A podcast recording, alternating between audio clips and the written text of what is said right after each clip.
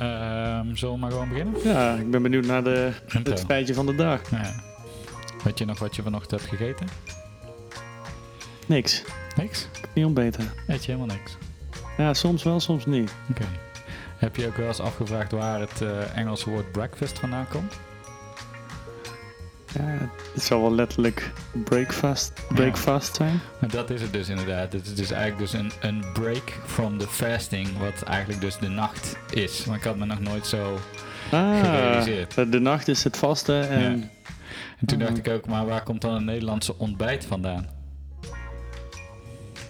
En het blijkt dus dat ons is een soort eh, ehm, middeleeuwse betekenis van beginnen. Dus het beginnen met het bijten. Ja, Zo.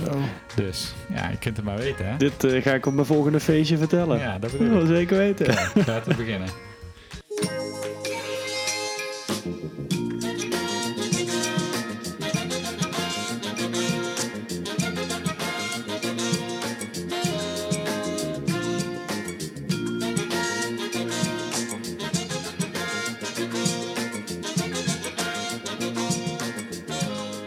Oké, dames en heren, daar zijn we dan. Aflevering 13 inmiddels. Ehm, en ik ben hier samen met Sam, een welbekende naam uit de podcast Current Obsessions en of andere zaken die aandacht behoeven. Yes, Hey, goeiedag. we weer. Hey Sam, eh, ik zat me dus af te vragen, ben jij eigenlijk een beetje een eh, populaire jongen?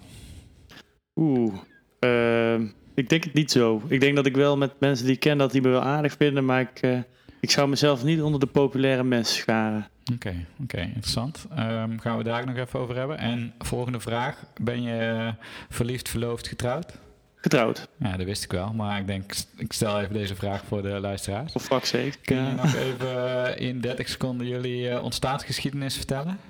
We wonen in hetzelfde studentenhuis. Zij komt uit het buitenland, zij wonen daar als pair, ik als student. Mhm. Ehm, toen ik daar uitging, elkaar pas een beetje echt leren kennen. Eh, en eh, ja, zo van het ene eigenlijk wel het, het stereotype straatje bewandeld wat je doet als je een relatie hebt. oké. Eh, interesting. Ehm, ik zat dus iets te lezen over eh, hoe mensen verliefd worden op elkaar. En vaak is het inderdaad dat het een eh, verhaal is zoals jij beschrijft, hè, dat je elkaar kent via wederzijdse vrienden of met elkaar werkt of bij elkaar op school zit. Mhm. Ehm, maar in sommige gevallen, zeker nu in het tijdperk van Tinder, heb je natuurlijk ook weer meer dating. Waarbij je eigenlijk min of meer vanuit het niks met iemand samenkomt. En dat je dan gaat kijken of dat het met elkaar klikt. Ja, ja dat eh beetje koud, eh, Ja, koud dat- daten, zeg maar. Koud, koud daten. Ja. En ehm, dat, dat is in feite een andere manier dan het zeg maar even langzamere aftasten waarbij je elkaar kent vanuit een bepaalde situatie of je elkaar vaak tegenkomt. Traditionele, ja, ja, zeg maar. ja. En dat verandert dus ook de dynamiek van hoe relaties ontstaan. En in deze context las ik een interessant artikel over een, ja, noem het maar, een, een recept over hoe je soort van af kan dwingen dat je verliefd wordt op elkaar. Wat een nogal opmerkelijk ding is, omdat eigenlijk er, als er iets niet af te dwingen is, is het misschien wel verliefd worden op elkaar. Ja. Ehm, maar als je het artikel leest, is het toch wel interessant, omdat, ehm, nou laten we er even van uitgaan dat het een Tinder-achtige situatie is. Dus je hebt al wel een bepaalde aantrekkelijkheid naar elkaar uitgesproken, hè? want anders Ja. dan, dan was je geen Fysieke aantrekkelijkheid, zeg Ja. maar. Je kiest elkaar, want... Ja, en Ja. dus dan eh, spreek je met elkaar eh, eh, af. En dan, ehm, ja, dan ga je met elkaar op date. En dan kun je gewoon wat gaan drinken en zo. En eh, kijken waar het naartoe leidt. Mhm. Ehm, maar het artikel wat ik heb gelezen is, belooft, doet de belofte. eh, beantwoord gezamenlijk deze 36 vragen. En aan het eind daarvan ben je verliefd op elkaar.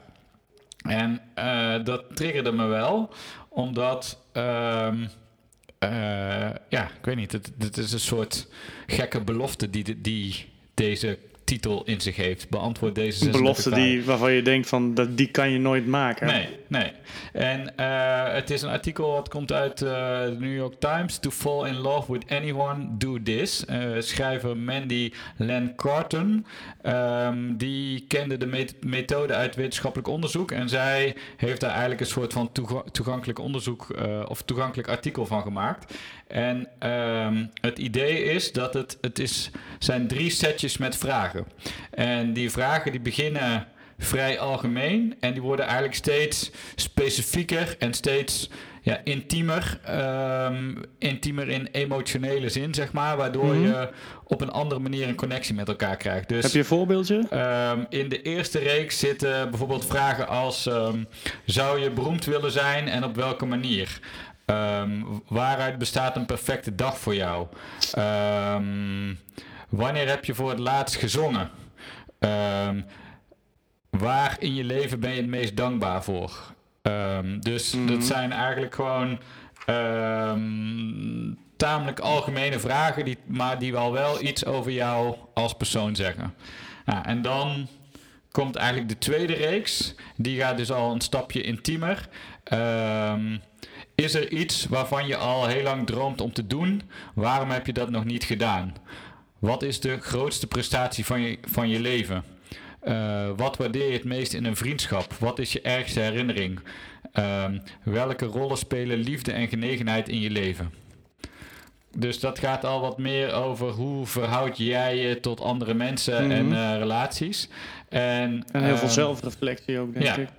en ehm, dan komen er een aantal dingen in eh, die eigenlijk nog wat eh, dieper gaan. Dus ehm, wanneer heb je voor het laatst gehuild met iemand erbij en wanneer voor het laatst alleen?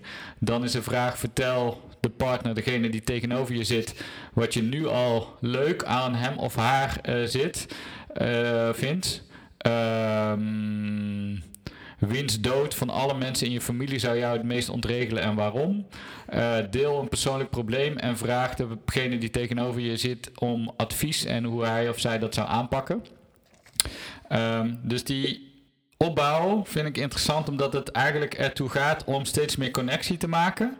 En dan als kers op de taart is aan het einde van die 36 vragen. Nou, ik neem even aan dat je daar best wel even een paar uur voor nodig hebt als je dat goed wil doen. Mhm. Eh, dan is het de bedoeling dat je drie minuten stilhoudt en alleen maar elkaar diep in de ogen kijkt. Ja, ik vind dat dus een fascinerende eh, methode. Ja, ja, ja. Ik, ik hoor al dat jij enig sceptisch hebt hierover. Ja, ik ben wel een beetje sceptisch. Maar Maar en, ik, denk, eh, eh, ik, het, ik denk meer, het voelt voor mij meer dat die vragen eh, een manier zijn om elkaar gewoon even goed te leren kennen. mhm. En die connectie te maken, ja, dat, dat is maar heel erg afhankelijk van wat voor types je hebt. Want ik denk gewoon niet dat je, wat, zij, wat het artikel claimt, iedereen op elkaar verliefd kunt laten worden. nee. Eh, want ook uit die vragen zijn heel persoonlijk. Als daar de mening uitkomt van de ene die heel haak staat op de ander, ja, dan, dan zit je al met een probleem. Ja. Daarnaast denk ik eigenlijk ook, omdat je net zegt van ja, je gaat steeds op een dieper level, maak je een connectie of een klik met iemand. mhm. Denk ik niet dat dat inherent staat aan het verliefd zijn op iemand. Nee. Nou, je hebt ook wel een beetje gelijk. Eh, de, ehm, het NRC heeft namelijk uitgezocht van... oké, werkt deze methode? Dus het verscheen in eh, de New York Times. Mhm. Eh, daarna is het ook opgepikt door allerlei vrouwenbladen en zo. Hè, want dit soort dingen doen het natuurlijk goed in de Viva en de Vogue En- en, en de de, Linda van. Ehm, maar het NRC heeft dus eigenlijk uitgezocht van... oké, hoe, hoe onderbouwd is dit artikel? En dan zij hebben dus eigenlijk de wetenschappelijke stukken erbij gepakt. En dan zie je wel dat het artikel, het krantenartikel is wel geromantiseerd. Want het was eigenlijk eh, een methode om gedurende korte tijd een bepaalde intimiteit met elkaar op te bouwen. Ja, precies. Ik denk ook juist dat dat hetgeen is wat nu mist met het, eh, het eh, even speed flirten of zo wat tegenwoordig is. Omdat je dus niet meer die hele elkaar leren kennen fase ervoor hebt. Moet je gewoon op een andere manier toch elkaar leren kennen. Ja. Eh, mits dat je doelstelling is dat je een relatie wil. Kijk, veel van die zaken zijn natuurlijk met heel andere doeleinden. Je bedoelt dat ze willen neuken. Ja, ja eigenlijk wel. Dus, maar eh, zou, je het, zou je dit zelf doen? Zou je die vragen, zou je denken van nou, als je, eh, want je hebt nu dan de relatie en zo, dus Ja. dat zit, is nu niet aan de orde. Maar stel je zou vrijgezel zijn, zou je dan, eh, je hebt een leuk meisje moeten zeggen Ja. van nee, we gaan vanavond niet naar de film, maar eh, ik heb Nou ja. eh, sushi thuis staan en we gaan eens even 36 Ja. vragen beantwoorden. Ja. Nou, ehm, kijk, ik denk dat dat dus best wel een beetje awkward is, omdat het dan zo'n soort methode is. Ja. Ehm, aan de andere kant geloof ik er wel in. Precies om de reden die jij zegt, van je, je blijft, denk ik, eh, over het algemeen tamelijk oppervlakkig. Je gaat niet meteen de diepte in. En dit is een methode waarbij je dat eigenlijk versneld wel doet. En ik denk dus ook dat dat, dat, dat ja, slim is om te doen. Klinkt, eh, als je op zoek bent naar een echte relatie, dat je, dan denk ik wel dat dit kan werken. En ik heb het op een heel andere methode ook wel eens meegemaakt. Ik heb een keer een eh, training gedaan, eh, een leiderschapstraining. Mhm. waren vijf blokken van twee dagen. Dan zit je met een groep van tien mensen. Mhm. En dan moet je dus gaan praten over dilemma's in werk en privé en noem het allemaal maar op. En in die setting ga je dus over allerlei moeilijke thema's hebben. En ik had dus ook al na twee blokken het idee dat ik een aantal van die mensen beter kende dan mijn eigen vrienden. Ja. Dus dat is eigenlijk ook zo'n soort, eh, nou noem het maar even negatief gezegd, geforceerde intimiteit. Maar ik denk dat het, dat het... Daarmee sla je inderdaad de spijker op zijn kop. Dat geforceerde in, intim, eh, eh, intimiteit. Eh, omdat ik denk heel veel mensen, zeker in situaties zoals een werksituatie of wat dan ook, eh, eh, heel verdedigend zijn. Niet te veel van jezelf blootgeven, eh, Mhm. zelf beschermen, dat soort zaken. En op het moment dat je geforceerd wordt om dingen te delen, of je bent op zo'n relaxed, chill niveau met elkaar dat je dat durft te doen, hè, dat Ja. je niet daar voelt van dat kan ik niet. dan, dan gaat die verdediging weg, zeg maar. Ja. Dus dan, het is logisch, maar eigenlijk is wat je zegt, is niet zozeer dat de, eh, het feit dat deze unieke eh, methode zo eh baan doorbreekt is, maar meer het feit dat je gewoon. eh, Ja. Geholpen wordt in, om intimiteit ja, je te wordt gewoon even de juiste richting ingeduwd. Want ik denk Ja. dat je met iedereen ehm, op een bepaald niveau daar op zo'n manier kunt levelen, zeg maar. Connecten. Ook al is hij tien keer zo dom als jij, ook al is hij, eh, denkt hij heel anders. Je kunt op die manier, als je, kun je wel een bepaalde klik vinden, denk ik. Ja, denk ik ook. Uite- uiteindelijk heb je denk ik een soort eh, drieslag in relaties. Hè? Dus je hebt eigenlijk je liefdesrelatie. Ehm, dan heb je eh, vrienden. En dan heb je misschien kennissen en of collega's. En waar zou je familie dan? Ook onder vrienden, zeg maar die twee. Ja, oh ja, familie is second ook niet, ook niet onbelangrijk. Vergeet ik gewoon even. Ja. Ehm, dus ik, eh, even denken, wat zei ik nou? Je hebt liefdesrelaties. Ik denk dat liefde, liefde en familie kan redelijk... eh, want dat gaat in veel gevallen ook...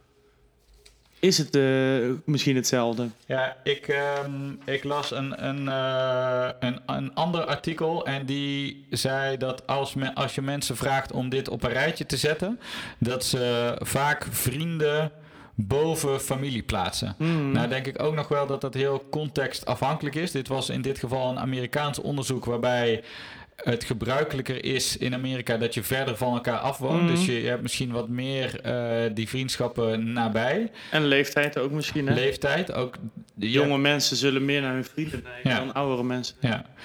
Ehm, hoe, hoe zit jij in vriendschappen? Qua hoeveel vrienden ik heb, of ja, wat ik daarvan de vind. of- kwaliteit van je vriendschappen, de hoeveelheid, de frequentie, wat eh, vind je daarvan? Ik denk dat ik veel mensen aardig vind en dat ook wel veel mensen mij aardig vinden. Maar als ik echt zou kijken naar vrienden, heb ik niet zoveel vrienden. Mhm. Maar de vrienden die ik heb, zijn dan ook hele dierbare en goede vrienden, Ja. zeg maar. Dus En, eh, ik denk dat je ze op één hand... Voor, wat voor aantal hebben we het dan?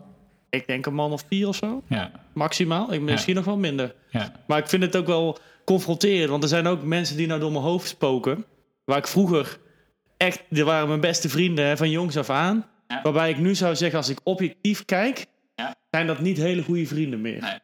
Maar voor, voor all time sake... eh schaar je die daar die bij. Ik denk als ik echt zou kijken, denk ik dat ik drie, twee, drie man heb. Drie man wat echt mijn vrienden zijn.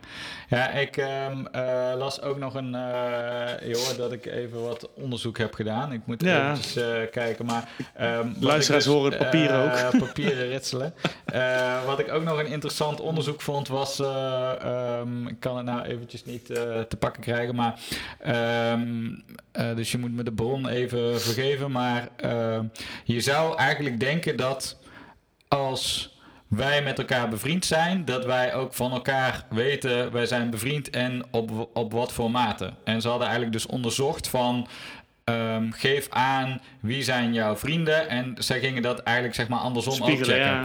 En dan blijkt dus dat dat maar in iets van 50% van de gevallen met elkaar matcht. En Ja. onderzoekers ge- geven dan eigenlijk aan dat dat komt omdat het wat jij verstaat onder het begrip vriendschap is voor iedereen anders. Ja. Dus het is een heel ongrijpbaar iets. Dus wat jij beschouwt als een goede vriend, kan hij misschien eigenlijk denken van ja. eh, Goeie eh, kennis. goede kennis. Ja, ja, ja. En ook als jij ver- verhuisd bent naar een andere stad en je hebt iemand ontmoet waar je wel eens een biertje mee gaat drinken, dan kan jij dat al beschouwen als een hele belangrijke vriend, omdat jij tamelijk eenzaam bent in die nieuwe Mhm. stad, terwijl hij misschien in sportclubs en familie Ja, om de hoek een heel eh, andere een heel andere perceptie cirkel. daarvan heeft. Ja, dat denk ik ook wel. En ik denk ook dat het heel erg afhangt eh, eh, van hoe je leven is. Kijk, op het moment dat ik jou, eh, bevriend met jou ben, of ben, dan kan ik het zo hebben dat ik bijvoorbeeld een leven heb waarbij ik op mijn werk ga, thuis zit, douchen en mijn weg ga. Maar misschien vind jij, denk je wel van, ah, die Sam is een leuke gast. Maar jij gaat s'avonds nog even de kroeg in met je groepje ho- hockeymaatjes. Daarna Ja. s'avonds ga je nog een potje darten. eh, en dan denk jij van, ja, eh, die Sam, dat is maar een klein side. onderdeel van, weet je wel. En niet, eh, terwijl andersom. Ik denk dat vroeger, als je zeg maar echt kind bent, is het anders. Want dan gaat het, dan, dan zie je elkaar als je afspreekt samen en dat soort dingen. Dus dan Mhm. wordt er al gauw een soort stempel opgedrukt. Dat je dus vrienden bent. Maar ik denk wel dat het iets, iets meer Het verwatert. ja, het is een beetje meer fluid, Ja. zeg maar, dan, Ja. eh, dan voorheen. En is ook niet erg, maar ik moet wel zeggen... eh, ehm, want ik zit er nou net over na te denken. Eh, op het moment dat ik zou denken van... Ja, jij bent echt mijn beste vriend. En ik zou dan horen dat jij denkt van... Ja, oh, dat is die gast. Ja, dat doe ik wel eens af en toe. Ja. Drink we even pilsjes als ik niks anders te doen heb. Denk wel dat, we dat ik daar vervelend zou vinden. ja. Ik zou daar wel denken Ja. van... Gast. Maar dat is dus ook wel iets geks dat eh, bij een relatie heb je eigenlijk een soort duidelijk beginpunt en een eindpunt als dat voorbij is. Mhm. Maar bij vriendschap is dat veel onduidelijker. Hè? Dat kan, Ja. kan verwateren en er kan dus ook nog een soort ongelijkwaardigheid in zitten dat ik denk, oké, ik heb Sam al twee jaar niet gezien, maar het is nog steeds eh, een van mijn beste Ja, vrienden. zeker. En jij kan denken, ja, ik heb die Christel al twee jaar niet meer gezien, eh, die, die staat al niet meer in mijn adresboek, zeg maar. Nou ja, vol- volgende maand, eh, in december, ben ik jarig. En ik ben ook net verhuisd. Dus ik dacht van, oh, dan doe ik een verjaardagsfeestje met een, een soort housewarming erbij. Ik kan niet zo van feestjes geven, dus denk in één keer. Mhm. En toen zei mijn vrouw, zei van, nou, is goed, maar probeer dan niet te veel mensen uit te nodigen. Want eh, dat geeft me stress en Ja. teringzooi en dat soort dingen. Dus ik zei, oké, nou, eh, een aantal mensen stonden vooraan op mijn lijstje, weet je wel. Of wist ik zeker dat ik die erbij was. Maar dan kwam ik dus ook bij zo'n jongen die van vroeger was mijn beste vriend. Mhm. Die komt wel altijd op mijn verjaardag. Of ik kwam- ik ben op zijn verjaardag ook nog. Nodig Ja. hem altijd. Dat zijn eigenlijk Ja. de enige momenten waarop we elkaar zien. Maar hij zou dus wel bij mijn maybe-lijstje komen. En ik heb ook het gevoel Kun je dat als ik hem... zijn eh, naam noemen om het ongemakkelijk te maken? Ja, dat maakt niet uit. Maar eh, hoe heet het? op het moment dat ik hem nou niet zou uitnodigen... Ja. dan voel ik me ook die lul, zeg maar, Ja, die de chain breekt, zeg maar. Dan Ja. denk ik van, Ja. oké, ik heb nu even duidelijk gemaakt van... dit is, eh, dit Ja. is klaar, weet je wel? Ja. Dus ik heb liever dat ik hem wel uitnodig... en dat hij dan zegt, kan niet. ja. maar jij bent getrouwd in het buitenland.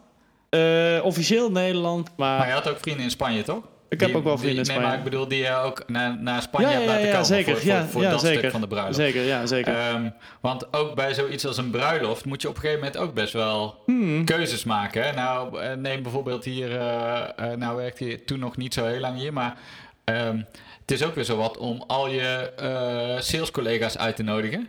Ja. Eh, terwijl je misschien met één of twee daarvan wel eh, een dat bepaalde band hebt. Zeker. Nou ja, ik heb dus ook wel discussie over gehad. Want ik heb dus ook twee collega's uitgenodigd. Met wie ik het dus heel goed kan vinden. Mhm. En een andere collega waar ik het ook wel goed mee kon vinden. En die ik al veel langer ken. Die Mhm. was wel een beetje gepikeerd dat ik Ja. hem niet uitnodigde. Precies. Eh, maar ja, ik heb hem ook duidelijk gemaakt Ja. van ja, sorry, maar... Kan eh, niet iedereen. nee, Ja, maar en- dat, dat is dus ook van. eh, ehm, en ik vraag me dat dus af of hoe dat werkt met mannenvriendschappen versus vrouwenvriendschappen. Ik denk dat mannen ook minder expliciet maken. Wij zijn bevriend met elkaar. Ja, dat denk ik ook. En ik denk ook dat mannen er misschien iets minder gevoelig voor zijn. Maar dat is wel ook wel een beetje aanname. En misschien dat ik mensen daarmee tekort doe. Maar ik heb het gevoel dat, dat ik daarin persoonlijk dan bijvoorbeeld simpeler ben dan mijn vrouw.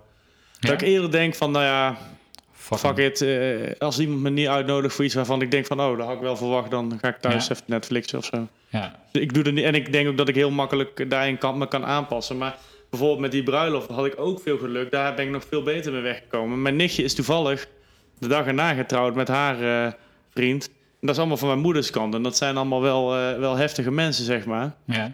En eh, ik weet zeker dat mijn moeder indirect vanuit was gegaan dat ik die had uitgenodigd. Maar dat had ik niet gewild. Nee, nee. Want ik ken nu- niet zo nu- goed. Nu en, kwam je ermee weg dat je ze niet hoefde uit te nodigen. want zij gingen daarin. zij, zij Zij moesten gingen daarin. Dus ik kwam ja. er heel goed mee. Anders dat is gewoon... Kijk, zo'n bruiloft is ook prijzig. En dat was gewoon 30 man extra. Ja, Nou, dat zocht ik echt niet. ja. En ik had dan heel moeilijk... Daar had me echt, dan had ik echt een probleem gehad. Als ik dat had moeten gaan uitleggen van... Ja. sorry, jullie mogen niet komen. En hoe zit het met ehm, eh, eh, het ontstaan van vriendschappen? Ehm, dus ik denk dat je. eh, we hadden het net al even over school bijvoorbeeld. eh, en misschien ook studie. Dat is een periode waarin, denk ik, veel vriendschappen ontstaan. Ja. En ik denk ook dat dat een periode is waarin vriendschap heel belangrijk is. Hè? Zeg maar eventjes tussen je, tussen je vijftiende en misschien begin twintig. Zo tot voor een beetje voordat, de, Mhm. zeg even dat de serieuze relaties midden Ja, twintig ja. eh, ontstaan. Hè? Dat zal, is voor iedereen anders, maar even Gemiddeld gezien. Ja, ik denk het ook wel. Ehm, dan is en feesten wat meer dan voorbij. Is dus dat, dat is dus ook een, een periode dat heel veel vriendschappen ontstaan. Maar is er daarna nog ruimte voor nieuwe vriendschappen? Ik denk dat, dat het heel erg afhangt van de persoon, dat je je daar ook echt voor open moet stellen. Want je gaat heel gauw. ehm, kijk, op het moment dat jij in je eentje op een nieuwe plek komt, dan, eh, en je bent daar ook in je eentje, dan stel je heel erg open voor mensen, denk ik. Maar op het moment dat jij eh, je dingetjes doet en hè, eh, je hebt je vriendengroep en je, Ja. alles is gezetteld, dan sta je daar ook niet voor open, denk ik, om daar nog eens mensen aan toe te voegen. Mhm. Ik denk dat dat ook het probleem is dat je op latere leeftijd minder vrienden maakt. Tenzij ze geïntroduceerd worden, zeg maar. Ja, Dus stel, wij gaan samen en jij zegt mijn beste maat komt ook mee. Ja. Oh, gezellig. En dan Ja. leer ik hem kennen en denk ik, oh, dat is ook een goede gast. dan, dan, dan groei je gewoon in een vriendengroep, Ja, zeg maar. dat denk ik. Ik denk namelijk dat... eh, er komt niet vaak in situaties zoals je vroeger op school kwam... dat je in je eentje tussen 30 andere mensen komt die je niet kent... en dat je daar maar eens even je weg moet vinden. Nee, Dat gebeurt niet. nee. Misschien op werk. Dat is ook... Ja, dus het is ook gewoon de. Je moet ervoor openstaan. Eh dat is één. En ik denk ook dat je een bepaalde. eh, dat is misschien een beetje banaal, maar er moet een bepaalde frequentie zitten in dat je elkaar tegenkomt. Want je Mhm. kunt wel ehm, iemand tegenkomen waar je een- klik mee hebt, maar als je die maar eens in de maand ziet, dan krijg je heel lastig tractie. Terwijl als Ja. je nou, op school of op het werk Zie je zie je elkaar altijd. iemand elke dag en dan, dan blijft het misschien nog lang oppervlakkig. Hè? Op het werk heb je het misschien in eerste instantie gewoon alleen maar over werkgerelateerde dingen. Mhm. Ehm, maar dan kan er wel iets ontstaan. Nou ja, sowieso. Maar ik denk het lastig is ook dat het gewoon twee verschillende soorten vrienden zijn. Kijk, stel je hebt een collega waar je bevriend mee raakt. Heb je daar een hele andere relatie mee dan een vriend die je alleen buiten werk omzit. Die je dus inderdaad waar je mee afspreekt. Want op het moment dat ik eh, na het werk nou een pilsje ga drinken met een collega die, die ik mijn vriend zou kunnen noemen, zeg maar. Mhm. Dan ga ik op dezelfde voet door qua conversatie als hier. Ja. Terwijl op, op, op het moment dat ik een, eh, een vriend zou uitnodigen thuis, dan zou ik ook denken van, oh, dan nodig ik hem uit om te eten, ga ik iets lekkers maken en dan gaan we, eh, dan, dan is er, ligt er ook een bepaalde verwachting op zo'n avond van, nou, dan gaan we eens even lekker kletsen of even praten over hoe het is met je en dat soort dingen. Terwijl dat is het op een andere manier communiceren dan dadelijk een Ja. pilsje en eh, even slap ouwe hoeren over, eh, Ja. over vrouwen en, eh, en vakantie en weet ik van wat, weet je wel. Maar zo hebben vriendschappen dus ook altijd een bepaalde basis. In de zin van een basis is werk, een basis is school, een basis is studie, Mhm. een basis is misschien dat je buren met elkaar bent geweest. Ik kan eigenlijk weinig vriendschappen verzinnen die niet zo'n gemeenschappelijke basis hebben. Ik ook niet. En ik denk ook dat uit ervaring eh, je ook wel eens merkt dat als je dus iemand in een andere situatie ontmoet. Mhm. eh, dus misschien dat je het heel goed kunt vinden met die gozer op je voetbalclub. eh, waar je in de kleedkamer altijd mee zit te geinen. Maar als je die dan tegenkomt op een, in een andere situatie, in een andere omgeving, dat het dan heel ongemakkelijk is. Mhm. Omdat je die setting, die, die past niet bij jullie, zeg maar. Ja. Ik heb wel eens gehad dat ik met teamgenoten wat ben gaan drinken. waar ik echt dacht van, nou, wij zitten zo op één lijn. Ja. En dat ik toen daar zat en denk van... Jezus, waar de fuck gaan we het over hebben, weet je wel? Dit, dit is echt Ja. doodlopend gewoon. Weet je wat ook nog wel een heel eh, narcistisch gegeven is van een vriendschap?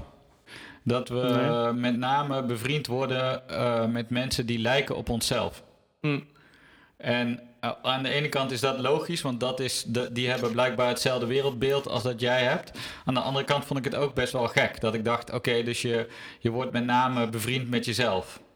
In a Soort way. zoekt soort, hè? Ja, dat, dat blijkt dus. Terwijl ze zeggen met relaties en liefde dat je juist een, een soort tegenpol zoekt. Opposites attract. Ja, ik denk wel dat... Om elkaar aan te vullen, zeg maar. Ja, maar dus- ik denk dat dat maar in, zo, in, in een bepaalde... Ver, dat, dat gaat maar tot op een bepaalde hoogte opposites attract. Want echte opposites haten elkaar. Dus je, ik denk dat je mensen moet hebben die wel hetzelfde zijn... maar misschien gewoon eh, Aanvulling. verschillende point of view hebben op Ja. sommige dingen. Maar je moet toch over de hele linie wel met elkaar eens zijn. Ja, want, want anders dan, dan is het iedere dag? Ja, dat kan niet. Ja. Hey, en ehm, wat is de functie van vriendschap? In de zin van de functie van een relatie, eh, evolutionair bekeken, is eigenlijk voortplanting. Ja. Bescherming ook, ik denk vriendschap, zeg maar verdediging. Hè? Het maken van een groep, zodat je niet alleen bent. Eh, in de hele oude zin dat je je met de groep beter kunt beschermen tegen dingen Ja. dan in je eentje. Maar wat wel gek is, is dat, eh, dus ik, ik kan daar nog wel in meegaan, maar dan zou je dus ook verwachten dat dat eh, een bepaalde, nou ja, dan zou ik dus eigenlijk zeggen dat ik met name bevri- bevriend zou worden met mijn buren. Want die wonen bij mij in de buurt en, en bescherming vanuit evolutionaire zin, die kunnen mij soep komen brengen als ik ziek ben, die kunnen Mhm. mij verdedigen als eh, de Noormannen binnenvallen. Terwijl we hebben nu vrienden en dat, dat kunnen we ook echt goede vrienden noemen die in Groningen wonen of voor mijn part in New York. Dus Ja. vanuit dat oogpunt. Maar misschien is het, het hebben van vrienden ook wel een soort burden van het feit dat we gewoon veel meer bewustzijn hebben gecreëerd. Dus dat je daardoor ook eh, eh, dingen, ja, je kunt over dingen nadenken waar je dan alleen doordat je erover nadenkt, je rot over voelt. Of er gebeuren dingen waar jij gewoon, Mhm. die je niet in je eentje kunt verwerken met, de, Mhm. met de kennis en kunde die je hebt. En dat je daarvoor gewoon een klankwoord of zo nodig hebt. Of iemand die je daarbij ondersteunt. Ja. Dus een meer de, ja, de, de, de, de psychologische zin, denk ik. Ja, en ik denk ook dat het eh, ook menselijk is ingebakken dat wij zijn natuurlijk groepsdieren. Dus wij willen onderdeel zijn van Precies. een geheel. Dat bedoel ik ook met die, die, die groep, die, eh, een beetje het kudde-idee. Eh, Ja. als je, ik denk dat je het wat dat betreft gewoon goed kunt vergelijken met beesten. Ja. ja, ze noemen dat ook niet voor niks de, de monkey sphere. Ook wel bekend als de theorie van eh, Robin Dunbar.